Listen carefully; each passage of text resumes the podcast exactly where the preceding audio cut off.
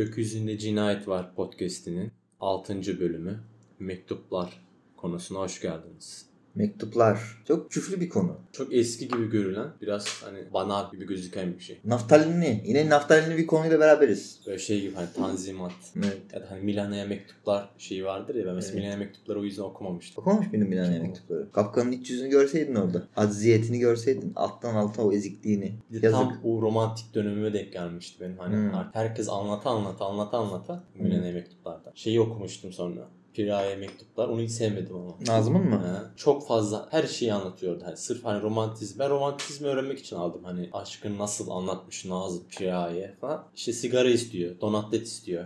Ya bir kısmı hep böyle. Ya da ne bileyim işte şu şu avukata şu kadar para yatır. Şuradan şu kadar telif gelecek. Haberleşme Yani aracı oğlum işte. Yani Ama sadece çok şey name değil ki yani. hani kendini anlatma, falan. Hep o, o yüzden Onları mı okumuştum anlatıyor? ilk başta. Nazım zaten Yoktu yani. e, Bursa cezaevinde çok travmatik bir dönem geçirmiş ya. Çok yalnız kalmış. Kadın mevzuları var zaten onlara girmek istemiyorum. Kirayesi var öbür hatun adı ne? Yarası var. Vera Rusya'daki. Bir tane daha vardı onun ad- adını hatırlayamadım. Münevver var, piraye var, aldatma, aldatılma bilmem neler falan var. Yani mektup deyince tabii o tür mektuplar da var. Mesela haberleşmek için kullanılan mektuplar var. Milena'ya mektuplarda da haberleşme işi var ama daha çok romans var yani mektuplarda. Bir de şey var yani böyle yazarların birbirine yazdığı mektuplar var. Beni bu ara onlar çok ilgilendiriyor. Hmm, elimde de görmüşsündür. İlhan Berk'in aynı zamanda yayıncısı olan Enis Batur'a yazdığı mektupları okuyorum. Orada da senin dediğin gibi yani telifimi ne zaman alacağım? Lan tut da. İşte benim şairin toprağı kitabı ne zaman basılacak? Olayına kadar hepsi var. Yani Enis Batur'un eşine selam söylemeler, işte çocuğa öp benim yerimeler falan. Ama beni mektupların ilgilendirmesinin sebebi okuduğumuz böyle beğenerek okuduğumuz, edebiyatından çok etkilendiğimiz yazarların gündeliğini merak ediyorum ben. Gündelikte ne yapıyor? Dedin ya işte don atlet istiyor sigara. Mesela ben, bu beni daha çok ilgilendiriyor. Orada yüksek edebiyat yapmasını beklemiyorum mektuplarda. Yapıldığı bölümler de var ama hayatı ilgilendiriyor beni. Biraz magazin işi mektup.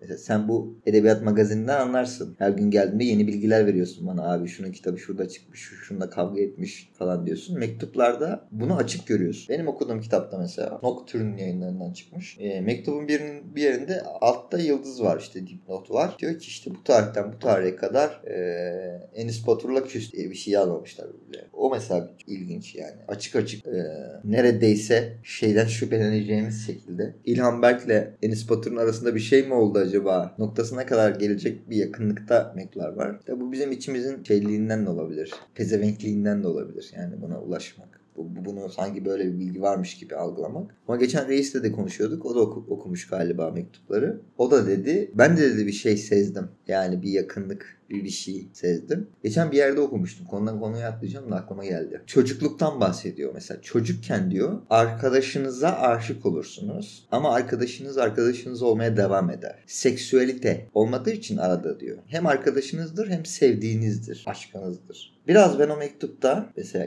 İlhan Berk'le Enis Batur arasındaki mektuplaşmalarda çıkarı çok fazla görüyorum o ayrı. Yani yayıncısına bir yaltaklanma durumu da var. Böyle bir yakın davranma durumu da var ama onun dışında hem arkadaş hem dost hem de bir sevgili durumu var. Yani bizim anlamadı, bizim bugünden erotik dünyadan anlayamayacağımız bir sevgililik durumu da var. Ben de şey çok çekiyor yazmak. Mektubun çimsel olarak verdiği bir özgürlük var. Hani makale gibi resmi bir dil kullanman gerekiyor. Dipnot zorunluluğun oluyor ya deneme ne hikaye ne de şiir. Yani içinden bir şey geçiyorsa ve bunu en rahat bir şekilde anlatabiliyorsun. O yüzden ben mesela yazarken şiirde bunu çok damıtarak anlatabiliyorum. Çok böyle yoğun. O yüzden tak tak tak hop yine havada kalıyor. Hmm. Sıkıntı oluyor. Ama mektupta bu hiç olmuyor. Yazdığım zaman istediğim gibi her şeyi anlatabiliyorum. İstediğimi oraya kusabiliyorum, sıvayabiliyorum, çizebiliyorum. Ve Bunlar benim iletişimimi en çok kolay hale getiren şeyler. Hmm. Mektuplaşıyor musun yakın Mek- zamana kadar? Bayağı oldu. En son e, geçen sene Haziran'da Mektup- son bir mektup mektuplaşıyordun yazmıştım. yani. Mektuplaşmıyordum ama mektup yazıyordum. Mektup yazıyor. Gönderiyor musun? Tabii yazıyordum. Normal Word'den yolluyordum. Postaya vermiyordum tabii eskisi gibi. Ha, yolluyorsun ama yani bir muhatabı Tabii. var. Bir de bunun muhatabı olmayan mektuplar var. Yani Aynen. yazılıp gönderilmeyen bir sürü mektup vardır mesela. Bende de vardır o yazılıp gönderilmeyen mektuplar. Evet tür olarak öyle bir itirafa meyleden bir tarafı var Ve okurken Mektubu. de o yazlardan onu alabiliyorsun. Evet. Onun keyfi oluyor yani. Evet karşı taraf da sen yazarken de karşı taraftan aldığın mektup da biraz itiraf içeriyor. Yani bir de kime, kime mektup yazarsın? Hele bu çağda. Sevdiğin kişiye. Yani sevdiğin kişiye mektup yazarsın. An- seni anlayabilecek kişiye yazarsın. Seni ayıplamayacak kişiye yazarsın. Biz podcastlerde reis reis diyoruz. Serdar Aydın adı bizim arkadaşımız. Ben onunla mesela hmm, kaçtan beri mektuplaşıyorum? Sanırım kendisi daha iyi bilir ama 13'ten beri mektuplaşıyorum. 13 olabilir yanlış söylüyorsam beni düzeltir dinledikten sonra. Kaç yıl olmuş? 13'ten 21 kaç oluyor? 8. 8. Doğru. 8 yıldır aralıklı olarak mektuplaşıyoruz mesela. Ee, Geçen telefonda da konuştuk. Dönüp baktığımızda mektuplara, yani mektuplaşıyoruz derken şöyle yapıyoruz. Yani mailleşiyoruz aslında. Maili mektup gibi kullanıyoruz. Artık böyle postaya verme, me- zarfa koyma yok da mailleşiyoruz. Yani maillerimiz mektup haline alıyor. Orada konuştuğumuz şey, yani baktığımızda konuştuğumuz şey çok enteresan bir şeydi. Mesela onun yazdığı karakterler var. Yazdığı öyküler var, şiirler var ya da kitaplar var. Benim yazdığım tiyatro oyunları var, şiirler var. Yine aynı şekilde küçük öyküler var. Birbirine geçmiş zamanla bu öyküler. Mesela onun, onun anlattığı bir karakter var. Zenci diye bir karakter. Üzerine yazdığı bir karakter uzun süredir. Belki bir novella olarak çıkar bir süre sonra. Çalışkan bizden daha çalışkan bir yazar. Zenciden bahseder. Hep o mektuplarda konuşuruz. Zencinin nasıl olduğundan, ne yaptığından, nereye gittiğinden, işe başladı mı, sevgilisi var mı falan gibi karakterler üzerine konuşuruz. Benim yazdığım işte roman taslağında da e, Afrikalı saatçi e, Gabriel var. Saat satıyor Gabriel. Geçen sen de hatta bir geç yazalım muhabbetine Ugandalı bir saatçi yazıyor. Evet. Değil mi? Karabalık. Hmm. Evet küçük karabalığı e, bir Ugandalı saat satıcısının üzerinden anlatma işi vardı. Hatta şey dedin ırkçılığa girer mi abi? Hani kara kara niga muhabbeti. Yani şey dedik yani farkında olmadan yani bunu Zenciyi Al ve romanına koy gibi değil ama farkında olmadan e, mektuplaştığın insanla yaşamın e, yaptığın şeyler birbirine giriyor. Mesela mektup, nasıl mektuplaşmak? E, yılda bir de yazdığımız oluyor. Yılda bir tane yazdığımız da oluyor. 3 ayda 6 tane yazdığımız da oluyor. Ama onun sanki bizden ayrı bir hayatı varmış gibi mektuplar. Ben şeyi okumuştum. Ahmet Arif'in Leyla Erbil'e mektuplarını, Hmm. mektuplarını okumuştum. İş Bankası mı basmıştı? Biri basmıştı. Mesela çok üzülmüştüm Ahmet Arif'e. Yani o hasretinden prangaları eskittim diyen e, adamın gerçekten böyle bazen süfli yani bazen baya böyle rezil rüsva bir şekilde bir hayat sürmesi sevdiği kadına karşı. Sevdiği kadının aldırmazlığı. Ahmet Arif'in düştükçe düşüşü. Mesela beni çok etkilemişti. Yani ilk elden avami olarak bakarsan ya adam ne adam da yani ne yalamış dersin. Yani ne yağlamış şey çekmiş dersin. Peşrev çekmiş dersin. Ama içine girdiğimde mektubun dediğim gibi işte severek okuduğumuz yazarların o düşkünlüğünü görmek belki de bizde bir kibir yaratıyor olabilir. O da insanmış ya. Yani onun da rezalet bir hayatı varmış. Oh ne güzel duygusu da yaratıyor olabilir. Şiirde mesela çok olan bir şey. Yani yazılan şiirlerin çok azında hani güncel bir şey rastlanabiliyor ya da hayatın içinde. Yani mesela en son Natama'da bir şiir de okumuştum. Şiir o bana şiir bana mektup gibi gelmişti. İşte ne bileyim sahibinin.com var. İşte Rene Clio'lar var o beyaz her yere dolan arabalar. Kuponculuk var. Ya da işte otobüste terli el ele tutuşmak. Diğer adamın ter kokusu. Hmm. Ya O şiiri tam otobüsteyken denk gelmiştim. O şiir bana hayatın içinden gelmişti. Bir hı. mektup gibi. Hı. O yüzden hoşuma gitmişti. Ama diğer genel yazılan şiirlere baktığımızda bu çok az oluyor. Ya çok ulu, kutsal bir şiir yazılıyor. Saf şiir. İşte bir zamanlar Yahya Kemal'in yazdığı. Ama şu an hala devam ettirilmeye çalışan şey gibi. Hmm. Kendi gök kubbemiz. Onun muydu o? Yanlış mı hatırlıyorum? Benim ilk okuduğum kitap hayatımda. Hmm. İşte öyle Süleymaniye'de olunca bir Bayram Sabahı. bayram sabahı. Evet. Güzel, Öyle güzeldir olunca- aslında onlar. Güzel ya. kitap. Ama söylediğin şeyi anladım. Yani şu an onun yapılması güzel gelmiyor bana. Çünkü şu an başka bir hayat var. Başka Şöyle bir şey diyebilir miyiz var. yani? Belki mektup dışına çıkacağız tartışma olarak ama ulvi olan artık Tanrı yeryüzüne indi gibi bir şey söyleyebilir miyiz? Yani kutsal olan, ulvi olan böyle yüce yüce şeyler artık yeryüzüne indi ve biraz şamar olan oldu. Bir de sırf yüce olan için de geçerli değil. Yani o zamanın sefirliğiyle bu zamanın sefirliği de çok bambaşka.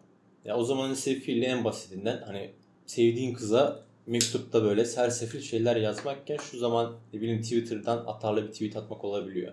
Evet. Instagram'dan gizlice stoklamak da olabiliyor. Evet. Bunu fark etmeyip de hala hani sevdiği kıza mektup yazmak gibi. Bu mektubu şeyin ayrı bir şey olarak örnek olarak görüyorum. O zamanı kırmak. Yani eski zamanın insanı gibi oluyor ama vücut bu zamanın vücudu. Hmm. Evet. Yine geçen konuşurken Mesela ben sana bir mektup yazıyorum ve sen o mektubu mektubun cevabı olarak orada yoksan bile yani kelimelerin yoksa bile benim yazdığım mektupta senin sesini alabiliyorum ben. Mesela bu da çok ilginç bir şey. Yani bir konuşma mesela benim ilk etkilendiğim mektup bir e, asker mektubuydu. Dedem adını, adını aldığım Osman dedem babama yazmış. Kısacık bir şey böyle. Fotoğrafın arkasına. Eskiden öyle bir şey vardı ya. Evet. Fotoğrafın arkasına. Kartpostal arkası, Evet. fotoğraf arkası. Evet yazmak. İlk et, en çok etkilendiğim yani ilk ve çok etkilendiğim şey oydu. İşte gözlerinden öperim. Biziz. Ee, sen nasılsın? Annenin babanın işte annenin kardeşlerinin selamı var. İşte bir şey varsa mesela bahçeyle ilgili bir şey varsa vişneler çıktı. Kayısılar döküldü. Hayat da var onun içinde ama eskisi gibi telefon telefon böyle hani Whatsapp'tan yazalım falan yok. Şimdi askerlikte bile öyle. Herkesin elinde akıllı telefonlar var. Onu aldığında insan nasıl hisseder diye çok merak ettim ve şey dedim yani askere gittiğimde bana mektup yazın. Babam yazdı. işte kardeşim yazdı. Babam, kardeşim ve annem üçü bir birlikte bir mektup yazdılar. Sonra o zamanki kız arkadaşım bir mektup yazdı. O zamanki e, kadın arkadaşlarımdan biri bir mektup yazdı. Sonra yıllarca görüşmediğimiz e, bir e, yine bir arkadaşım mektup yolladı. O duygu e, şey yani mapushane gibi bir yer ya askerlik yani. Mapushaneye mektup göndermek gibi. Birkaçına cevap yazdım. Birkaçına ce- yazdığım cevabı sakladım, göndermedim. Üniversiteden arkadaşım mektup yazdı. Mesela şimdi hatırlıyorum bak. Yani hiç öyle şey bakmadılar. Ee, işte eski demode, küflenmiş bir şey gibi bakmadılar. Gayet böyle durumları anlattılar. Mesela kız, kız kardeşim, sen de tanıyorsun Ünzüle'yi. Gayet o dönemki hayatını, yaşadığı zorluğu, işte geçmesi gereken engelleri falan anlatmış. Daha böyle mani falan da yazmış. Şöyle klasik olur ya. Seni seveni sen de sev işte falan gibi. Onları da yazmış. Onun sesini duyuyorsun işte. Mesela çok garip bir şey yani. Telefonda karşı tarafın sesini duymak gibi. Onun kelimelerini onun sesiyle te- okuyorsun. Hani filmlerde olur ya Evet. mektubu açar ve e, e, işte adamın ya da kadının sesiyle okur. Hatta bir filmde geyiği vardı yani arkada adam okuyormuş. Oha diyor yani bunun bunun sesi falan. Onun, onun sesi değil ben okuyorum diyor arkadaki adam. Onun, onun bir ironisi vardı. Yani iletişim malzemesi olmaktan ziyade tabii ki bir iletişim malzemesi ama daha çok senin dediğin gibi e, daha gizil bir alanı var mektubun. Ve hani o kendi sesi, kişinin sesini duymak dedin ya. Normal hani telefonda verdiği sesten daha kendi sesi oluyor. Çünkü normal telefonda arıyorsun mesela. Ne yaptın abi? İyi senden ne haber? İyi öyle arayayım dedim. Tamam. Hı. Çünkü orada bir bolluk olduğu için harvur, harman savurma aldığından çıkıyor ve e, özü oraya çok fazla akıtamıyorsun. O yüzden mesela telefon konuşmaları o kadar şey değildir. Eskiden ankesörlüler biraz öyleydi. Hı. Çok hemen bitiyor. E, ama mektupta e, işte mesela bu fotoğraf. Fotoğrafların çoğu zaten kartpostal olarak kullanılırdı eskiden. Hı. Belirli bir alan var ve o kişiye dakika şey yollayamazsın. SMS Evet, tak atamazsın. tak tak mesaj atamazsın. Yani onu vereceksin. Onu posta alacak. Kaç gün içerisinde bir hafta, iki hafta, belki bir ay. Ya da hiç ulaşmayacak. Hı. Gidecek. O kişi bunu alacak, okuyacak, sana cevap yazacak. Bu çok uzun bir süreç ve tasarruf edilmesi gereken bir alan olduğu için buraya aktaran her şey o kişinin kendisine ait şeyler oluyor. Hı hı. Tamamen özün en tasarruf, en böyle e, saflaştırılmış hali oluyor. Bir de sendeki sesi oluyor. Yani telefondaki ses sendeki sesi değil. Onu duyuyorsun ya alo naber abi işte şöyle böyle falan. Ama mektuptaki ses onun sesinin sendeki hali oluyor. Yani onun sesini aslında kurmaca yapıyorsun. Dublaj yapıyorsun. Kendindeki şeyiyle. Mesela sen bana mektup yazsan ben senin bende bıraktığın tınıyla, ses aralığıyla ne bileyim işte bunu söylerken heyecanlanır. Bunu söylerken ruhsuz durur. İşte bunu söylerken sesi çatlar. Ağlamaklı olur gibi bir kurgusu var onun. Nasıl söylediğini kuruyorsun kafanda. Aslında hayal kurmaya e, yatkın bir yer. Edebiyat alanına girdiğinde daha çok özellikle. Mesela bir meseleyi konuşuyorsun. Edebiyatla ilgili bir, bir şiiri konuşuyorsan mesela işte. En son Gentleman Labrador diye bir şey yazmıştım ben. Onu gönderdim işte mektubun sonuna şiir. Mektubu gönderdiğim arkadaşımın şiire tepkisi bütün cevap mektubuna sirayet etmişti. Yani üstte yazılanlardan ziyade o alttaki e, şiir gelen cevaba bütünüyle sirayet etmişti. Yani onun atmosferini yaratmıştı. E, iki, iki mektup, 3 mektup üst üste aynı şeyden konuşmak mesela. Kesmemesi seni. Telefonu alsan mesela 8 saat konuşabilirsin o şeyi. Ama 3 mektupta 8 saatlik konuşuyorsun aslında. Bu da çok nostaljik değil. Nostaljik de- demek istedim de nostaljik değil. Nostaljinin kendisi biraz karşı devrimci bir şey olduğu için. Yani o günler, ah o günler, geçti o günler bir daha gelmeyecekler duygusuyla olduğu için nostaljinin kendisi. Mektup bir kalıt, kalıt tabii bir yere kalıyor ama tarihin bir yerinde kalıyor ama e, kaldığı yerden de yaşamaya devam ediyor. Yani hatıralar öyledir ya. Bazı hatıralar vardır. Bazı hatıralar kalır bir yerde ve silinir gider. Ama bazı hatıralar seninle belki 35, 50, 40, 50 yaşına kadar gelir çocukluk hatırası. Mektupların da İlhan Berk'in söylediği bir şey bu.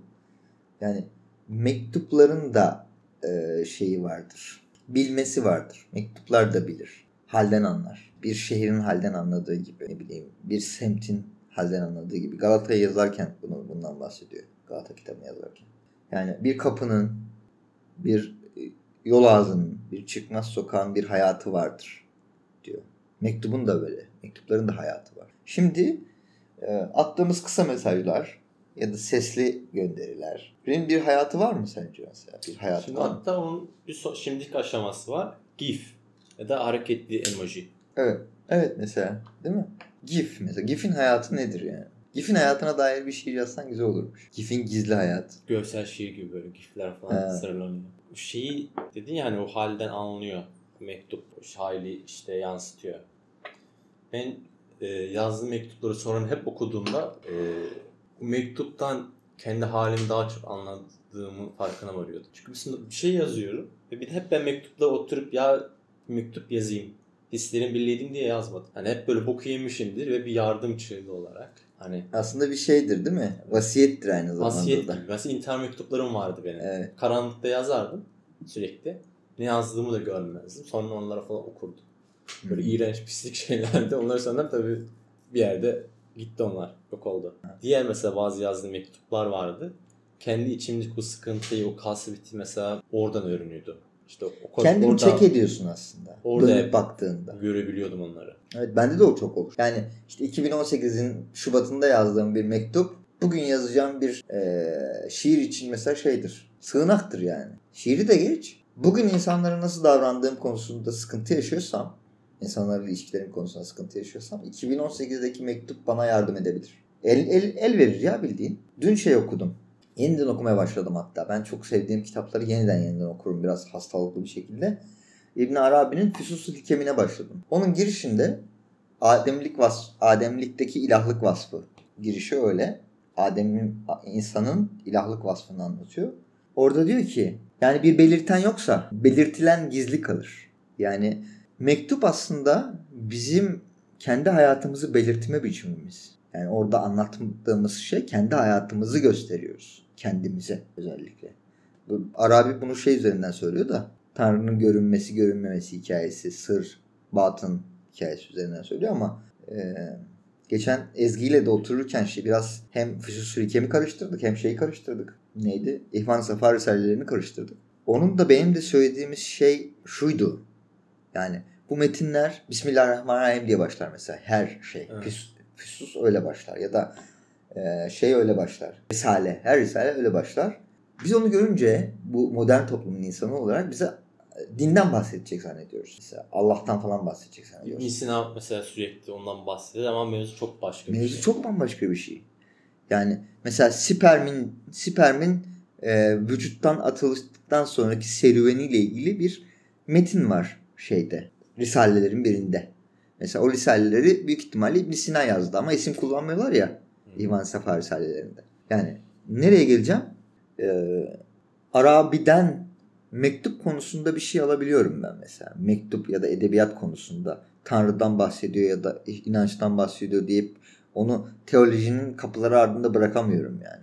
Bu 3-5 senedir bende gelişen bir şey. Arabi orada diyor ya işte belirten yoksa e, belirtilen gizli kalır. Yani bizim için ben iletişim okudum. İletişimde en çok öğretilen şeydi bu. Gösteren, gösterilen ve gösterge. İnsan kendini mektupta e, bir göstergeye dönüştürüyor ve hem gösteren oluyor hem kendini gösteriyor, belirtiyor hem de belirtilen oluyor. Yani hem malzemesi oluyor mektubun kendisi, insanın kendisi hem malzemesi oluyor hem o malzemeyi anlatan oluyor. Malzemeyi anlatan ve malzemenin birleşmesiyle de kendini aslında şey yapıyorsun. Dedin ya ben bakarım mektuplara ve şey derim. Kendimi onarırım, kendimi değiştiririm, kendime bakarım, geçmişime bakarım, izlerim. Kendini oluşturuyorsun aslında. işte. Biraz tamir gibi bir şey. Yani tamir etmek gibi bir şey. Civatan mesela bir civatan yalama olmuş. A- abi arabanın aksı sağ tarafa doğru çekiyor. Mesela hayatta öyle olur. Benim genelde sağa sola çeker o aks. Ama onu işte bilmem kaç tarihli mektupta ya e, mektupta onun gelişi var. Diyor ki o gün mektup bana oradaki itirafım. İşte 2021'in e, Haziran ayında, Temmuz ayında bu vida yalama olur. Yani bu bahsettiğim vida. Sevmekten bahsediyorsun mesela. O bizi ayakta tutan vidalardan biri. Ama 21'e geldiğinde sevmek yalama olmuş olabilir diyor. Şeyden bahsediyor yine Arabi. Bizim soyutluğumuzdan bahsediyor. Aslında diyor somutluk, var, varlık somut bir şey gibi algılanır ya diyor. Yani sandalye vardır, su vardır, telefon vardır. Belki de e, Kant'tan, Descartes'tan, Spinoza'dan çok önce varlık iddiasının yani kendimizin var olduğu iddiasının malzemelerle olabileceğini söylüyor. Bu malzemelerin de soyut malzemeler olduğunu söylüyor. Yani bir kağıt kalem var ve bir beyaz sayfaya yaz- yazmışsın bir şeyler ama orada bir soyutlama var. Kendini soyutluyorsun. Yani mektupta bir elim var yazıyor musun mesela mektupta? Bir elim var, bir kolum var, bir bacağım var yazmıyorsun. Elin kolun bacağın varmış gibi yazıyorsun zaten. Onu kabul ederek yazıyorsun. Onu soyutlayarak yazıyorsun. Yani orada hatta şöyle söylüyor. İnsanlar için yani mealen şöyle söylüyor. İnsanlar için diyor anlam soyuttur ve Tanrı da soyuttur. Yani insanlar Tanrı'yı somut olarak algılayamazlar. Hani diyoruz ya hani nerede Tanrı? Hani nerede? Gelsin beni, beni bulsun, çarpsın, işte cezamı versin. Varsa varsa diyoruz bazen. Diyor ki sana göre. Yani sende varsa var zaten. Yani senin soyutlamanda varsa var. Şey cümlesi vardı. Karikatüristim zamanlar sürekli. İşte Allah'ın her şeye gücü yetiyorsa kendine büyük taş yaratsın. ha, evet desen de sıkıntı, hayır desen de sıkıntı. Bunun hani argo versiyonu vardı mesela ilkokuldaki o ergenlikte sürekli birbirimize söylediğimiz. Orada diyorduk ki hani seni benden başka siken var mı? Hani evet desen de sıkıntı buna hayır da diyemez. Paradoks. O soru da mesela pa- paradoks. Hani evet desen de sıkıntı, hayır desen de sıkıntı. Evet desen Allah küçük, hayır desen Allah güçsüz. He, yaratamaz. Hayır desen yaratamaz oluyor. Evet desen Allah'tan E, çok taş hani- var oluyor. Komik gelirdi o yüzden. O iki soru bana. Evet. Yani işte mektupla başladık da. Yani insan ediminin bir türü ya mektup işte. Bizim e- eylemimizin bir ürünü ya. Biraz algılayışta anomali var gibi. Mesela bir şeyi biz yaptık duygusu. Yani bu mektubu ben yazdım. Bu şiiri ben yazdım duygusu. Biraz anomalik gibi. Tam da karşılamıyor gibi. Yani o yüzden İbn Arabi e, hep de dalgada geçilir. E, işte biraz seküler yana modern taraf, modern kafalar tarafından. İşte bu bana yazdırıldı Evet. der mesela değil mi? Ya da yağmur hani yağmadı yağdırıldı. Evet bu bana yazdırıldı. Yağmur yağmadı yağdırıldı. İşte insan yapmadı Yaptı. yaptırıldı. Yani mesela başka bir kafa gibi geliyor bana. İlk gelden baktığında kim yazdırdı lan? Yani kim yazdırdı? Sen, sen peygamber misin? Sen şizofrensin o zaman sana yazdırıldığına göre. Hep sen yazmadığına göre. Ama iletişim bilimsel olarak baktığında hayatın kendisi öyle zaten. Biz yapmıyoruz. Bu hani sekülerle sığmayacak bir şey olarak gelmiyor bana. Yani Evet. mesela bir şiiri yazdığımda ben tamamen materyalist bir insan dahi olsam onun o yola çıkış süreci be- beni e, aşan bir şey. Ben mesela diyelim ki son şi- şiirimde işte beni terk eden kız arkadaşımı kim kustum mesela. Örneğin. O yazdırmadı mı şimdi O kız bana terk etmeseydi, ben o şiirleri daha önce başka insanlara yazmasaydım ya da o şiirleri bana sevdiren, o biçimi bana sevdiren ne bileyim işte şu şair, Ece Ayhan, İsmet Özel'i, ne bileyim Mustafa Irgat'ı falan bunları okumasaydım o şiir yazmayacaktım. Başka Evet. bir şey yazacaktım. Evet, Ya başkaları yazdırdı sana yani. o zamana, o döneme, o pandemiye denk gelmeseydim ben bana dahi hiçbir şey yazmayacaktım. Ve Evet. bir şekilde olaylar benim dışındaki gelişen her şey benim için tekrardan gelişti ve bana bunu yazmama sebep verdi. Aslında da yazdırıldı diyorsun işte. Yine yazdırılmış oluyor. Ama böyle yekten yazdırıldı deyince deli Bu misin daha oluyor? hat- hatta e, dinsel bir şey olarak geliyor. Yoktan var etmek gibi geliyor bana. Bir anda kimseden ilham almadan, kimseden özenmeden, kimseden esinlenmeden, kimseden etkilenmeden tak diye böyle salt bir eser koyacağım ortaya. Şairin toprağında İlhan Berk Şairin Toprak kitabında Milliyet Sanat'a yazmış zamanında yazıları. Onu toplamış. Ee, çoğunlukla onlar var kitapta. O da diyor ki e, çok iyi bir şiiri çağrıştırmayan bir şiir çok iyi bir şiir olamaz diyor. Çok iddialı bir şey mesela. Çok iyi bir şiiri çağrıştırmayan bir şiir iyi bir şiir olamaz. Ben bunu duyduğumda mesela düşündüm. Dedim ki yani Arabi'ye gidiyorsun ister istemez işte. Kafa oraya çalıştığı için belki de. Ya da seküler bak, bilimsel bak. Benzeşmeyen şey yoktur. Yani Arabi burada açık açık şey söylüyor. Belki yine e, şeyi kızdıracağız. Gerçi öyle bir izleyicimiz yoktur ya. Dinleyicimiz böyle Tanrı kürsüsünde oturdu ve işte oradan bizi seyrediyor gibi bakan insanlar çok fazla yoktur gibi geliyor. Ya da varsa da kızdıracağız artık. Alemle bildi Tanrı diyor. Tanrı alemle bildi. Tanrı'nın bilmesi konusunda bizim bir bilgimiz yok diyor. Biz Tanrı'nın bizi bilmesini alemle sağladığını bilebiliriz diyor. Yani ne deriz mesela? Emek, ekmek davası. Kazanç. Para. Pul. Cebimize e, para girdiğinde biz biraz da inançlıysak deriz ki Allah bereket versin. Veren için. Yani bana para veren, verene deriz ki Allah bereket versin daha çok versin. Ama o parayı benim cebime kim koyar? Bana o şeyi kim yazdırır? İnançlı olmak için dedin ya seküleriz, sekülerizme de ters bir şey değil bu. İnançlı olmak zorunda da değilsin yani anlamak için. Hani e, şey vardır ya inançlılığın yerine konulan bazı şeyler var. Yani evrene mesaj gönderdim. Evren Evren bana dönüş. yaptı. Karma. Karma. İşte onlar da inanç da aslında. Yani karma da bir inanç aslında. Ee, Budizme yakın, Budizmin içinde bir inanç. Yani doğru bilmiyorsam da olabilir, yanlış biliyor da olabilirim ama geldiği yer kişisel gelişim. Doğaya mesaj yolladım, doğa cevap verdi. De insanın varoluşu zaten böyle bir şey. Yani ben sana mesaj attım. Dedim ki 12.30'da podcast yapalım. Sen bana mesaj attın. Okey. Ben çıktım bakkala gittim. Sigara istedim. Sigara verdi. Birini sevdim, beni sevdi ya da sevmedi. Bir bardak çay içtim. Çay benim vücudumda başka bir şey oldu. Yani sürekli sürekli açık kapılar var. Sürekli açık kapılar bunlar. Dostoyevski'nin dediği bir şey var ya hep oraya geliyoruz. Kapanmayan kapılar gizli bir yara gibidir.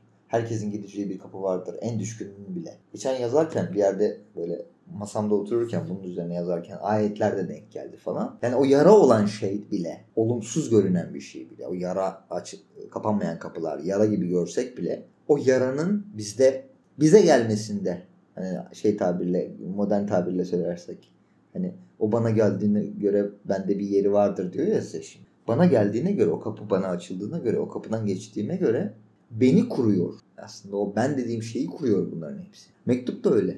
Yani beni kuruyor. Yazdığın şiir seni kuruyor.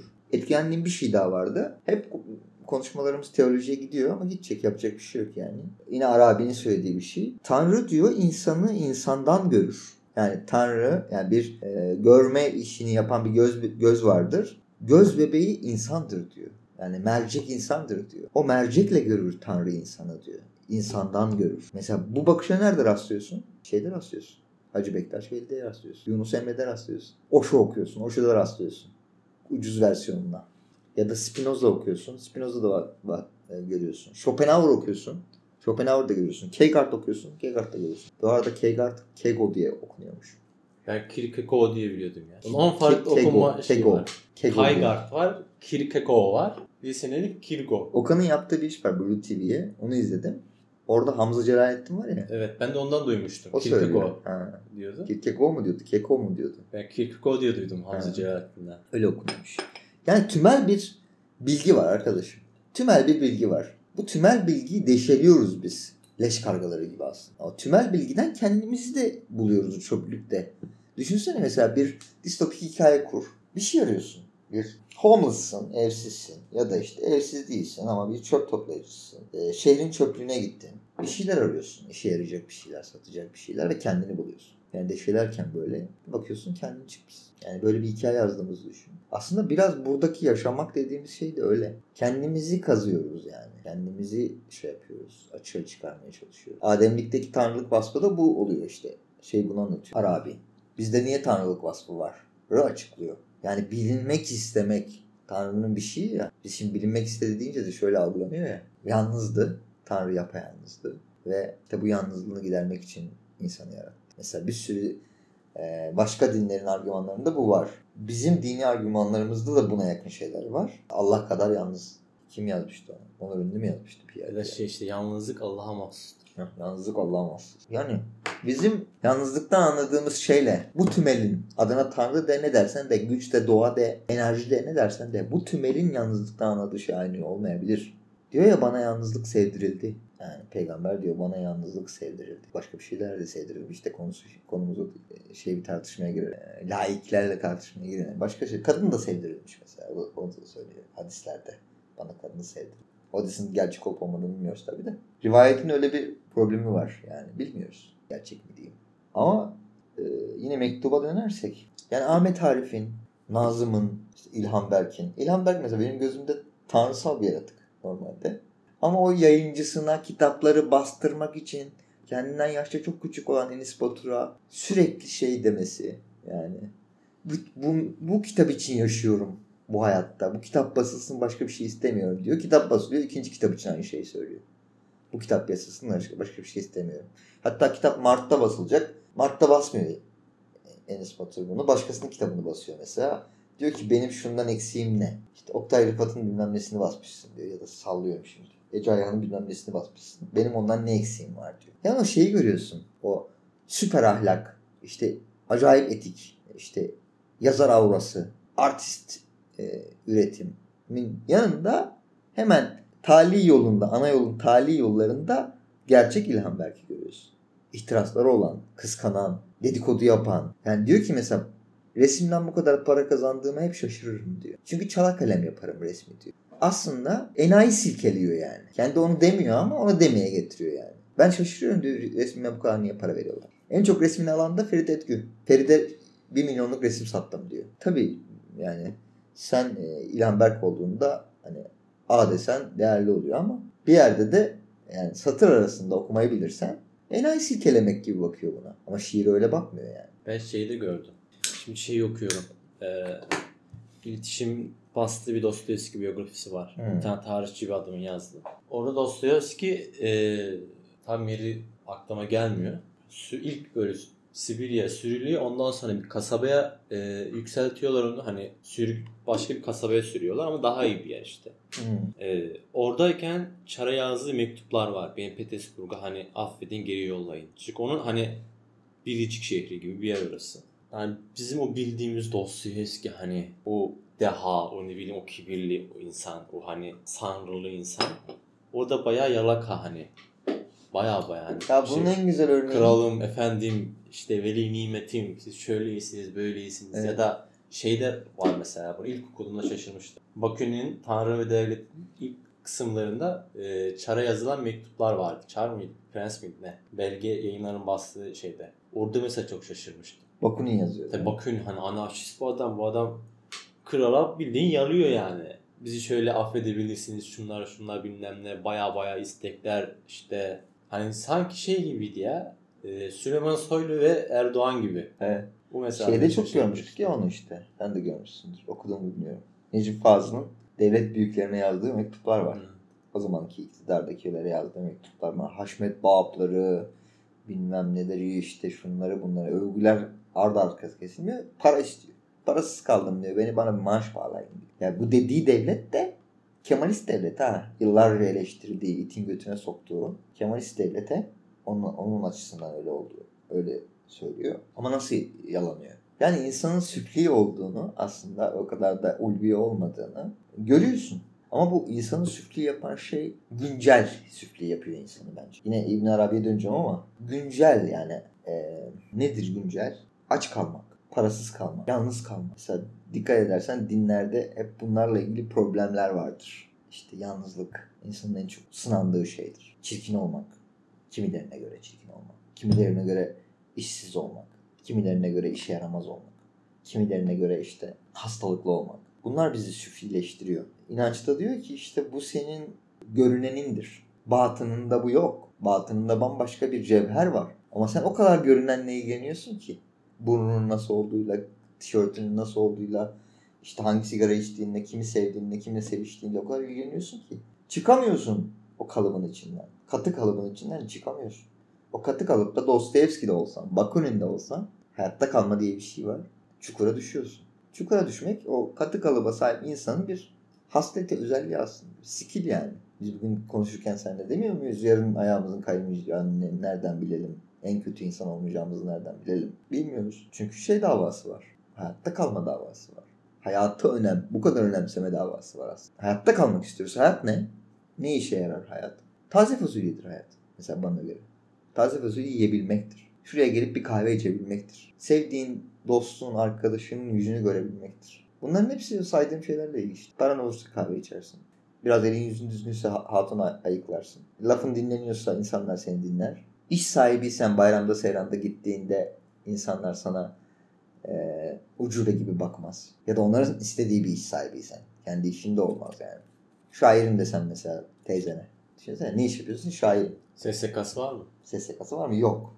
Demek ki bizim varlık sahasına çıkışımız başkalarıyla ilgili olduğu gibi varlık sahasındaki mücadelemiz de başkalarıyla ilgili. Mektup yazdığımız kişiyle ilgili değil sadece. Yazdığımız kişinin bizden beklediği bizle de ilgili.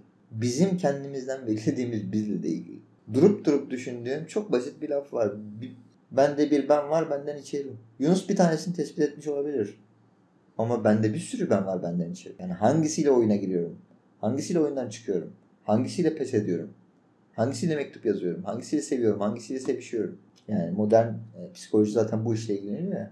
Hangileri var? Bazısı mesela sıkıntılıysa bu diyor ki ya şizofreni bilmem ne. Dengede tutabiliyorsan insan oluyorsun. Öbür türlü değilsin. Ama sanatçılara baktığımız zaman büyük yani başarılı sanatçılara baktığımız zaman başarılı da ömürlerinde genelde başarılı olamıyorlar. Ömürlerinin bittiğinde başarılı oluyorlar. Onlara baktığımızda delilik hali var. Normal normal mi olacağız? Normal herkes gibi mi olacağız yoksa delireceğiz mi? Şey mesela Dostoyevski'nin biyografisini okurken paralel bir yazar olarak sürekli İsmet Özel canlandı kafamda. Yani bugün İsmet Özel'e baktığımız zaman da çok aklı başında diyebildiğimiz bir insan değil. Çünkü bir anda patlayabiliyor. Ama bizim o liberal yaşamımızın o şeffaf, satılabilir, alınabilir, vitrinlik yaşamımızda akıllı bir insan. Dostoyevski'ye baktığımızda da aynı. Adam bir bakıyorsun sağcı, bir bakıyorsun şey ahlakçı, ne bileyim e, Tanrı marlı diyor. tabii Ortodoks, Katolik falan İncil mincil okuyor böyle. Bir bakıyorsun ahlak kurallarına karşı bir insan haline geliyor. Sürgünden sonra mesela. Sürgünden önce bambaşka bir adam. Sürgündeyken aşırı mesela halkçı bir insan oluyor. İşte hatta bir dergi kuruyorlar bunlar. Ee, şu şeylerde vardı hatta. Ee, derginin ilk adı Uramya. Sonradan bir tane e, işte biraz şair, çokça eleştirmen olan bir adam var. Grigoriev. O katıldıktan sonra e, Poçhua diye bir ad alıyorlar. Bu adın anlamı da toprak. Ve kendilerine topraktan gelenler, o toprağa ait olanlar diye aslında basbayağı bir milliyetçi bir Milliyetçi Tanım veriyorlar. bir tanım veriyorlar. ve bir süre geçiyor. O işte Grigoriev ayrılıyor. Poçhua kapanıyor. Onlara yasak falan geliyor. Ee, sonraki zamana baktığımızda ahlaka karşı bir insan ortaya çıkıyor. İşte suç ve cezayı yazan, yer altında notları yazan. O döneme kadar işte insancıklar bir iki işte kimsenin hiç beğenmediği ya da siklemediği kısa hikayeler yazıyor. Ciddi, en büyük ciddi eseri ilk eseri oluyor. Bize baktığımızda bugün İsmet Özel tamamen onun karşısında bir karakter gibi. İpe sıpa gelmez bir adam ya. Ya bir bakıyorsun komünist, İslamcı, sonra Türkçü. Şimdi mesela ben en son kitabını okumadığım için Güncel halini çok bilmiyorum mesela. En son- Kitaptan kitaba da değişebiliyor. Tabii. En son kitabın hatta hatta şeydi. Türk'üm doğruyum, intikamım ülkemdir. Oydu Evet. galiba. Ondan önce Başarılı Kızlar Felsefe Bilmelileri vardı. Ben oraya kadar okudum. Son kitabı alıp okumamıştım. Evet. Yani işte neresinde bu şeyin, hikayenin neresinde bu adamlar, kadınlar, neresinde? İşte bir yer olmuyor. Nilgün Marmara. Mesela neresinde bu hikayenin Nilgün Marmara? Hiçbir yerinde değil. Hiçbir yerinde değil. O normal hikayenin, normal akan hikayenin, normal ilerleyen hayatın neresinde mi? Yok lan. Yok lan. Şeyi hep böyle giriş gelişme sonuç olarak algıladığımız için Kompozisyon hayatı yani. illa bir yer gibi. Değil mi? Şimdi ne yapıyorsun? Bir sonraki aşama var yani. Level var. Şimdi ne Şeyler yapıyorsun? mesela e, okuduğum romanlarda mesela benim genelde hani hoşlanmadığım kısımların birisi de mesela odur. Ya çok fazla hani kurgu. Hani bu, bu da onun hayatta kalabilirliğini ya da hayattan parçasını biraz azaltıyor. Yani dümdüz bir realistlik de değil bahsetmek istediğim. Mesela karakter diyelim ki hani kirasını ödemeye gidiyor. Bu süreci anlatıyor. O dönemde şey yaptı. Her şey o süreç arasında. Asla o çizgiyi aşmıyor. Bir yerden bir yere. Yani. İşte asla oraya giderken işte canı mesela döner çıkıyor ya parayı dönere vereyim demiyor. Ya da o sırada bir telefon geliyor hop bir şey başka bir yere gitmiyor. Ama hayat öyle. Her şey planlanabilir. Ama hayat öyle. İşte Yani yolda giderken canın döner çekip dönerciye dönüyorsun. bugün mesela çıktığında benim planım e, işte buradan Cumhuriyet Meydanı'na gidip oradan iki tane iki üç kitap alıp ders çalışma kitabı buraya gelmekti. Otobüse bin- bindim. E, otobüs durağına geldim. Bekledim. Ondan sonra dedim ki kahvaltımı yapsam önce. Sonra o fikrimden caydım ilk başta. Sonra baktım otobüs gelmedi. Sonra kam poğaça alacaktım. Dedim ki şimdi poğaça alırım otobüs gelir. Mundar olur. Hı. Sonra ondan vazgeçtim. Orada belki 6-7 kez yol değiştirdim. Evet. Ama yine en sonunda tabii o yola gittim. Kitabı aldım. İşte o mümkün olan en e, mantıklı şart o olduğu için o yoldan gittim ve kitabımı alıp buraya geldim. Ama o süreçte olanlar planlanabilir şeyler değildi. Evet. Ya da akan bu zaman çizgisi, o hikaye kurgusunda akan böyle yağ gibi akan bir şey değil. Çünkü etkiye açıksın abi.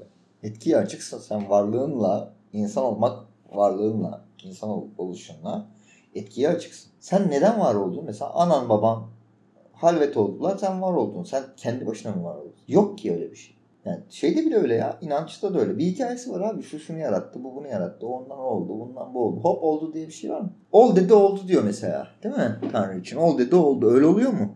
İşte o süreci anlatıyor bir mesela. O süreci neler neler Yok işte 7 gün, işte dünyadaki 7 gün ve yaratılıştaki 7 gün. E bir şeyin örneğini veriyor sana aslında. Yani öyle masal anlatmıyor sana. Bir şeyin oluş süreci vardır diyor. Tanrı da olsan bunun bir oluş süreci vardır diyor yani. İnsanın aklına uygun olan budur diyor. Bir oluş süreci vardır diyor. Tabii ihtimaller olur, bir şey olur, sapmalar olur, bilmem ne olur olur hayatımızdaki gibi. Ama bir oluş süreci vardır. Yani şimdi sen mektup yazarken işte kalktım, uyandım, kahve içtim, işte kitap okudum, bilmem ne, cart curt. Belki yazabilirsin de. Bir süre sonra, bir süre sonraki mektuplarda onu yazmıyorsun. Ortasından başlıyorsun kitabın. Hayattaki gibi. Yani hayatta mesela kaybediyorsun. Bazen evet başarısız oluyorsun. Ve durup başarısız olduğun yerden mi başlıyorsun? Yani en başarısız olduğun en baştaki yerden mi başlıyorsun? Yok. Kitabın ortasından başlıyorsun. Bugün iyiyim diyorsun. Bugün toparlandım diyorsun. Dünü siktir et diyorsun. Yani şeye dönmek mümkün değil. Çağımızın teknolojisiyle geçmişe dönmek mümkün değil. Ama geçmiş sürekli bizimle beraber. Geçmiş var. Yani bugünün, şimdinin bir biraz öncesi var. Benim kapıdan girmem var. Senin çay getirmem var. Birlikte çay içmemiz var. Şunu kurmam var. Konuşmamız var. Yani tümel bence bu mesele. Yani mektup da öyle yani. Dün ve bugünün ve yarının bir arada bulunduğu bir şey. İnsan da öyle mektup. Bir de konunun haricinde aklıma takılan bir şey var. Onu sorayım. Şairler sigortalıyorlar mıydı? Mesela zamanında avans falan alabiliyorlarmış. İşte dergide mesela varlığa yolluyorsun. Bana bir önce bir 100 lira at falan diyebiliyor musun? Acaba sig- sigorta da yapıyorlar mıydı? Mesela kadrolu varlıkta şairsin ya da Maaş bağladıkları zaman sigorta yapıyorlar. Şimdi öyle bir şey yok da. Maaş bağlama diye bir şey var abi. Mesela şu İlhan Berk diyor ki KY, YKY bana maaş bağlasın diyor. Maaş bağladığı zaman düzenli yazman gerekiyor ve sigortalı oluyorsun. Var öyle örnekler yani. Şimdi mümkün değil de. Mesela ben ne bileyim Everest'ten kitabım çıktı. Benim şeye sigortaya bağlarlar mı? Telifini verseler iyidir. Yani üniversiteler yine iyi. Mesela benim şaşırdığım İlhan Berk her şiirinden telif alıyormuş. Mesela Varlar şiir gönderiyor. Ercan Hoca telif ödüyormuş. Ne bileyim bilmem nereye şiir gönderiyor. Şiir gönderdiği yer telif ödüyormuş. Böyle bedava yok. Şimdi ne durumdayız? Şimdi üzerine gidersen kaç dergi veriyor benim? İşte varlık üzerine gidersen veriyor. Bir de notoslu kitaplık diye duymuştum ben. Veriyormuş. Ama hani yani sen demezsen ya da üzerine gitmezsen vermez tabii. Hani Nasıl olsa istemedi vermeyeyim der. Ama benim telifim nedir? İşte orada 100 lira, 75 lira falan yolluyorlarmış. Hı, iyi. Ama da 100 lira. Ve Mesela bir şiir bence 100 liradan fazla eder. 100 liradan çok fazla eder. Kaç para vermeleri lazım? 1000 lira versinler mi mesela bir şiire? Bence versinler. Versinler. Bence de versinler. Ya günübirlik hani çerezlik, spam şiir yazmıyorsa şair. işte haftada bir ne bileyim haftada iki yazmıyorsa. Onu sürekli mesai yapa yapa yapa yapa ayda bir tane çıkartıyorsa o şiir en ucuzu 1000 liradır bence. Bence de. 1000 liranın Ki bu da altında sıradan olması bir şiir için. Hani sıradan bir şair. Sen ben için işte. 1000 liramızı Mesela ben istiyoruz. İsmet Özel olsam varlık benden şiir istese ben sağlam para isterim yani. Abi öyle değil mi zaten? Mesela kitap satın alıyorsun. Dergi satın alıyorsun. Neyi satın alıyorsun abi? İşte kağıt satın almış oluyorsun. İçeriği satın Onlara almıyor font, musun ya? Tabii. İçeriği satın alıyorsun. Orada yazılmış öyküyü satın alıyorsun. Yani adam, dergiyi satan adam benim içeriğimle manav gibi düşün abi. Bunu hıyar var manavda. Ama şeye giderken hale gittiğinde hıyara para ödemiyor. Var mı böyle bir şey? İşte bu sefer de kağıda ödemiş oluyorsun. Yani, matbaa parasını ödüyorsun. İçerik yerler içeriği. Ben ben İlhan Berk'te onu gördüm yani. Adam yazdığı şiirin peşinde. Ben çalışıyorum bunun için diyor. Mesai harcıyorum diyor yani. Yani mesela şu an hani belki mümkün olmaz artık eskisi gibi telif ödemek de şeyi ben mesela beklerim. Mesela bir dergide yani. Bir derginin eli yüzü düzgün hani. 3-5 tane lisenin çıkardığı, üniversite kulübünün çıkardığı dergi değil. İşte eserin yayınlandı. Bir tane. Ben mesela isterdim bunu. Dergi mi yollasın? Tabii. Telif yerine. Tabii yayınlandı. Yayınlandığının haberim de yoktu. Yalım söyledi şiirin yayınlanmış diye. Bayağı önce yollamıştım. Antalya'da bulamadım. O zaman da hayatımda hiç internetten bir şey sipariş verme, vermemişim. Şimdi bir de çok hani hani yapmadığım bir şey. Nadiren yaparım. İstanbul'a gittim 3 günlüğüne. Sırf o yüzden İstanbul'da kaldım. Ekip geri döndü. Ee, zaten 30 lira mı ne vardı cebimde. Kalmak gibi planım yoktu. İstanbul'da kaldım. 30 liranın 20 lirasını gittim. Natam'a aldım. Ve İstanbul'a gitmenin benim için tek değeri Natama'yı alıp okumak oldu yani. Evet şiirim vardı içinde. Telif ödedim yine Toma sana. No. Telif zaten ben istemem artık. da. Abi bir tane dergi gönderin ya 30 lira ya. Onu isterim abi dergi yollasınlar. Yani bilmiyorum. Biz mi çok para gözüz yoksa yaptığımız şeyin değeri mi yok? Ha ya da hadi bana desinler ki ya hakim hani bizim Antalya dağıtımcımız yok. Al şu dergiyi dağıt. Ha, o da yok hani. İnternetten sipariş vereceksin de bir de elime alıp açmadığım şeyi almayı çok sevmiyorum ben. Açıp bakmadım. Çünkü o zaman seçemiyorum. Rastgele yani. İsmi güvenerek alırsam. Orhan Pamuk mesela al, içine alıp seçmem. Yani internette varsa alırım. Ama sıradan bir kitabı seçmek isterim. Görmek isterim ben de canım. Orhan Pamuk da olsa görmek isterim abi. Kitapçıya gidip görmek isterim yani. Ne yazmış bu adam yani? O ak mı yazmış? Bok mu yazmış? Bana ne? Bokla bitirdik ama. Bitirelim yavaştan.